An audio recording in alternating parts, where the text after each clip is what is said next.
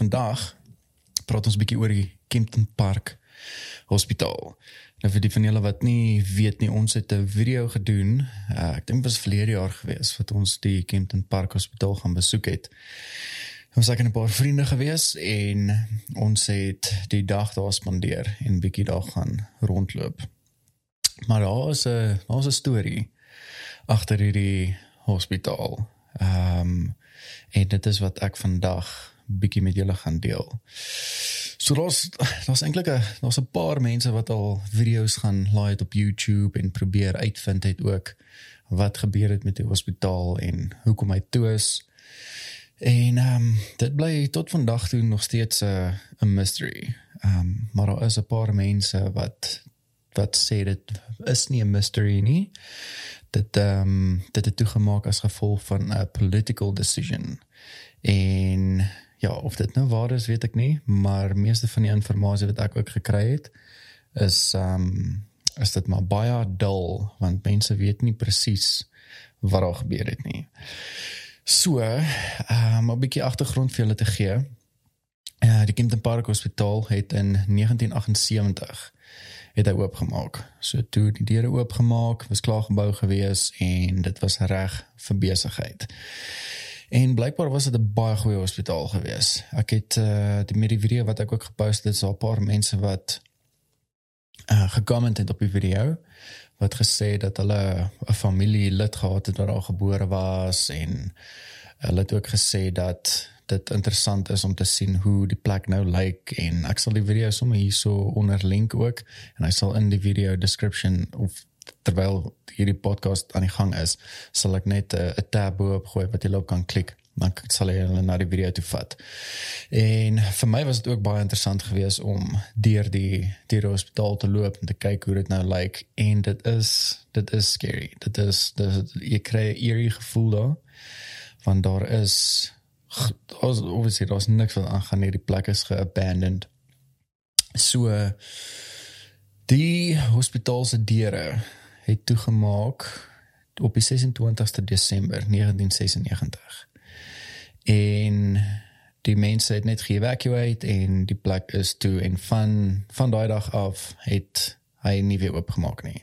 Daar was nie eers 'n uh, 'n uh, attempt of daar was nie eers geattempt om die deure weer oop te maak nie en die plek het net agteruit gegaan. So daar was nog steeds apparate daar gewees, al die beddens was daar gewees en nou nog steeds is daar uh, pasiënte se se files wat daar rond lê wat ons ook op die video opgetel het en ons het gelees ek het dit nou nie in die video gewys nie maar ja al die pasiënte se of meer daar is baie ek wil nie sê al die pasiënte nie maar daar is baie van die pasiënte se files wat er nog lê en ja, dit is dit is nogal 'n scary stuk daai wat ons ook beleef het want daar was 'n 'n kamer gewees wat uh pik pik pik pik donker was. So al hoe ons kon sien wat daar aangaan was met ehm um, met flitsse wat ons op en rond geloop het.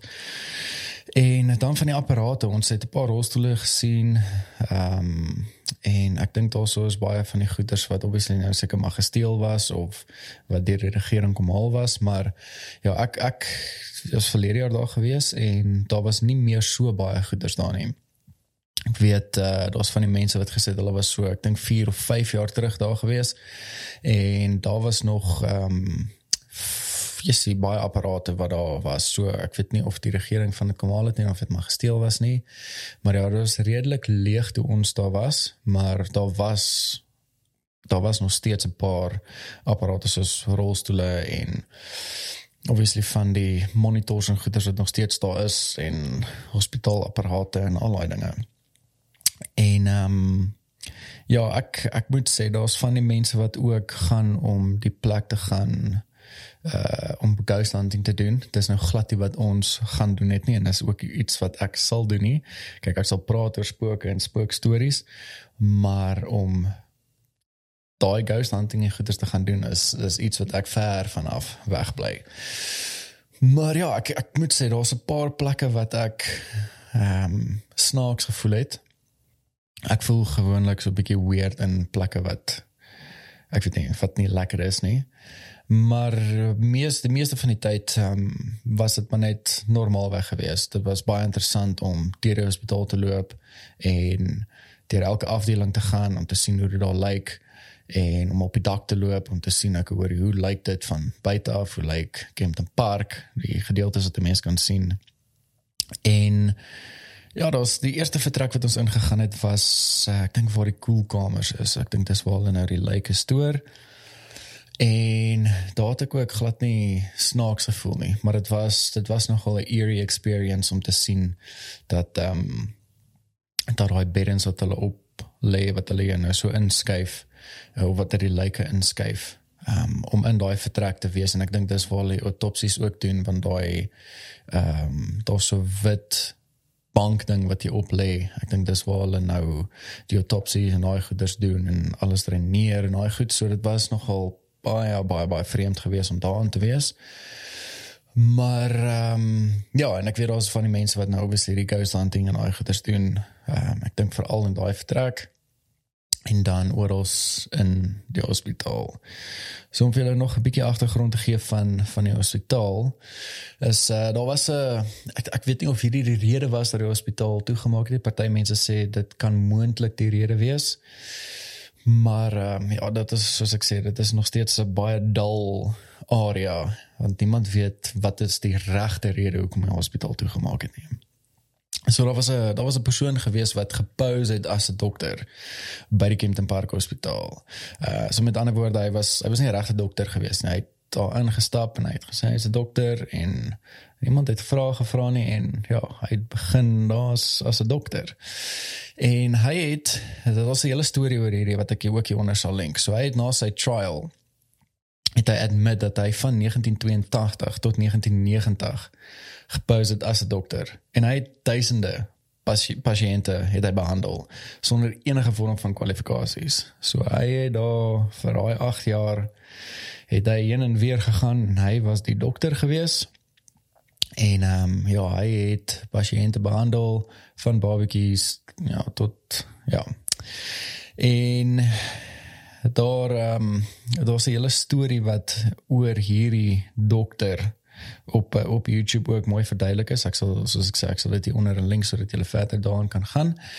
En as ja, soos wat ek ook my navorsing gedoen het, dink ek ou dit dit kan 'n moontlike rede wees hoekom daai hospitaal toegemaak het, maar soos ek sê, ek meen daai was ehm um, hy het van 1982 tot 1990 gepose as 'n dokter, hy het dit met by sy trial en in 1996 is die uh, is die hospitaal se deure toe toegemaak en dit is nou die dag na Kersdag waar daai deure heeltemal toegemaak het. Ehm um, maar ja, daar's baie min inligting oor oor die actual rede hoekom die uh hospitaal toegemaak het.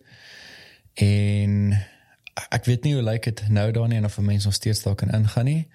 Maar uh, ek beveel as 'n mens dit wil doen, sal ek uh, ek sal aanbeveel dat mense dit as 'n groot groep doen. Ons was 'n ek dink ons was 8 mense gewees om uh daar in te gaan en die plek te gaan explore en ons ons was die hele tyd bymekaar.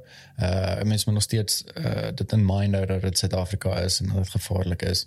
So ja, ons is 'n hele groot groep gewees en ek het uh, al met 'n paar vriende gepraat want ek sal hierdie graag in in die aand wil doen om hierdie hierdie hospitaal so te gaan explore, 'n bietjie daar rond te loop, ook video te neem en net te voel hoe dit voel in in die aand.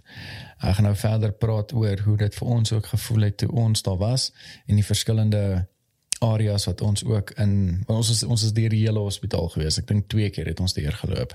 So ek gaan nou verder 'n bietjie praat oor uh vertrekke wat vir my ehm um, wat vir my cool was, wat vir my ongemaklik was en net die bou van die hele vertrek. Maar voordat ons verder aangaan, wil ek gou dankie sê vir vandag se sponsor, is Manscaped en ek gaan gou oorgie aan die ad en dan kom ons terug na die podcast. So ek sien julle nou. All right, so we've got some exciting news from our friends over at Manscaped. They just launched their fourth generation performance package. This ultimate package includes the Lawnmower 4.0. And Manscaped, which is the leader in male grooming, have done it again to make your grooming game next level. Join the 4 million men worldwide who trust Manscaped with the new Performance Package 4.0 by going to manscaped.com for 20% off plus free shipping using the code FOKENMAN. FOKENMAN, you can just spell that F K N M A N. Now, listen, I've talked about this before. I've cut my balls with a flimsy trimmer and I've used Manscaped for about a year now, and it is just insane. And you will be thanking me. The Performance Package 4.0 by Manscaped has arrived, and man, oh man, is it worth the wait. Inside this uh, package, you'll find the Lawnmower 4.0 trimmer, the Weed Whacker ear, nose, and hair trimmer, the Crop Preserver Ball Deodorant, Crop Reviver Toner, Performance Boxer Briefs, and a travel bag to hold all your goodies. First off, the new Performance Package 4.0 includes the new Lawnmower 4.0. Now, this trimmer is insane and, dare I say, the greatest ball trimmer ever. Their fourth generation trimmer features a cutting edge ceramic blade to reduce grooming accidents thanks to their advanced skin safe technology. The Lawnmower 4.0 also has a 7000 RPM motor, a new multifunction on off switch that can engage a travel lock as well. And it gives you the ability to turn the 4000K LED spotlight on and off when needed for a more precise shave. All right, and, and did I also mention that this trimmer is also waterproof? So the Performance Package 4.0 also includes the Weed Whacker to chop your worst weeds up top in your nose and ear. The Weed Whacker is also waterproof and uses a 9000 RPM motor powered by a 360 degree rotary dual blade system. The nose and ear hair trimmer uh, provides proprietary skin safe technology which helps prevent nicks, snags, and tugs in those delicate holes. Seal the deal with Manscaped's liquid formulations. The Crop Preserver Ball Deodorant for before leaving the house, and the Crop Reviver Ball Toner for a mid game ball check. Trust me when I say this, fellas, your balls will be thanking you. Manscaped even threw in two free gifts to their Performance Package 4.0 the Manscaped Boxers and the Shed Travel Bag. Bring your comfort and boxers to another level. Get 20% off plus free shipping with the code FOKENMAN at manscaped.com. That's 20% off plus free shipping with the code FOKENMAN at manscaped.com. Your balls have been through enough this past year. Treat them with the best tools for the job from Manscaped. All right, guys, now back to the podcast. Okay. So soos wat ek gesê het, ehm um, die eerste vertrek wat ons was was nou die ek dink al die die koelkamers uh, was en dit ons so explore deur elke liewe vertrek gegaan en ek dink die tweede vertrek wat ons gegaan het was so deur so lank gang gewees en toe kom ons nou by die dis die hoofingang van van die hospitaal. Dit is waar ons nou die pasiënte van die pasiënte se files gekry het. Dit is waar mense incheck. So dit is nou waar um, pasiënte sit en hulle sit hulle inligting, naam van en adres en al daai goed. En dit ons so om die hospitaal beweeg. So ons het deur elke liewe gang gegaan. Ons het deur die vertrekke wat heel onder was. Dit is daar's nie vensters staan nie. So ons het daar aangegaan en ons het die ligte afgesit ook en dit is pik donker. Jy kan jy kan niks voor jou sien nie. Nie eens die hand so naby aan jou gesig hou. Jy kan nie kan nie sien nie. En dit het ons 'n bietjie buite beweeg. Ons het gaan kyk ek hoor hoe ons uh, bo op die dak kan kom. En daar was so 'n weird spiral staircase wat mens uh, wat ons opgegaan het. En toe het ons daar opgegaan en dit was toe by die heel boonste uh, verdieping gewees en daar daar het eintlik jy jy's veel aangegaan en ek dink dit is soos binne in die dak. En dit ons reguit aanbeweeg deur die dak basically en toe ons daar af. En dit ons die agterste kant ek dink is heel punt van die hospitaal. Dit ons daar nou afgegaan en ons is daar deur elke liewe vertrek gewees. En daar ons het op 'n punt gekom wat ons so stil geraak het want ons hoor so snaakse geluid. Dit, dit, dit klink soos dit geklink soos 'n soos iemand wat met 'n metaal ding so deel dit. En dit het ons dadelik uitgevreek. Ek meen ons was toe in 'n vertrek gewees waar dit daar was baie lig gewees en ons hoor net hierdie ding aan die onderkant van die van die trappe. En ons begin toe nou stadig maar seker af te beweeg en ons kom toe in hierdie hierdie gang wat ons hierdie nou hoor. En daar's op die punt van uh, van die muur was daar so 'n staal uh ek weet nie so staal reiling tipe ding gewees wat so gehang het en ek weet nie hoe nie want daar's nie wind wat daar deurkom nie. Ek het probeer kyk of al wind is toe daai ding so begin waai en dit is daai wat so gelei toe gemaak het. En ehm um, ek weet nie of dit wind is wat deur die dak toe gekom het maar ek het nie wind gevoel nie. En dit was nogal baie creepy geweest. Veral as jy in daai plek is en jy weet jy jy is alleen Daar's niemand anders daar nie. Die security guards is buite en jy hoor hierdie geluide. Daar's 'n paar gevalle wat ons hierdie geluide gehoor het. En ja, dit het ons verder aanbeweeg. Ons het deur die donkerste areas gegaan. Daar's party van die areas wat ons nie kon deurgaan nie want dit was uh dit was vol water geweest en ons wil nou nie daar deurgeloop het van daai water lyk like asof uh, jy siekte sal kry as jy daar deur stap. En dit was ook nie min geweest nie. Ek dink dit was ja, dalk enkel enkel diepte gewees. En toe het ons 'n bietjie buite gegaan. Ons het gaan kyk hoe lyk die die areas buite. Want ons twee dele van die hospitale of van die hospitaal. Ek dink dis die main gedeelte van die hospitaal is 'n ander gebou ook waar ons nou uh dit lyk op elke vertrek lyk dit dieselfde. Ek dink dit is nou waar ehm um, dit net rye is en dan so kamers en beddens en al goed uh vir die pasiënte. En dit is in daai gedeelte is daar omtrent niks oor nie. Ons omtrent nie eens deure nie, daar's niks in die vertrekke nie en dit is baie baie baie verwaarloos. So die die mure is al het heeltemal al losgetrek. Ek weet nie hoe, hoe safe dit eintlik is met die fondasie wat nou nog nog daar is nie. Want as ek sê die dak ehm um, is besig om in te val by by sekere van die plekke En julle sal definitief die video geniet wat ek hier wat ek hier opgesit het ook op YouTube.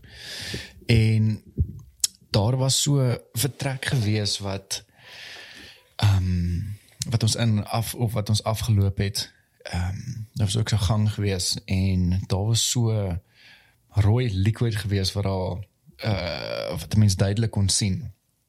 Dit was so in die hoek gewees en ons kon nou nie verstaan wat die hel dit was nie. Want dit gelyk soos bloed, maar obviously sal bloed so oor ek die jare nie meer rooi wees nie. So dit was so weird rooi liquid wat daar gelê het. Dit is ook in die video.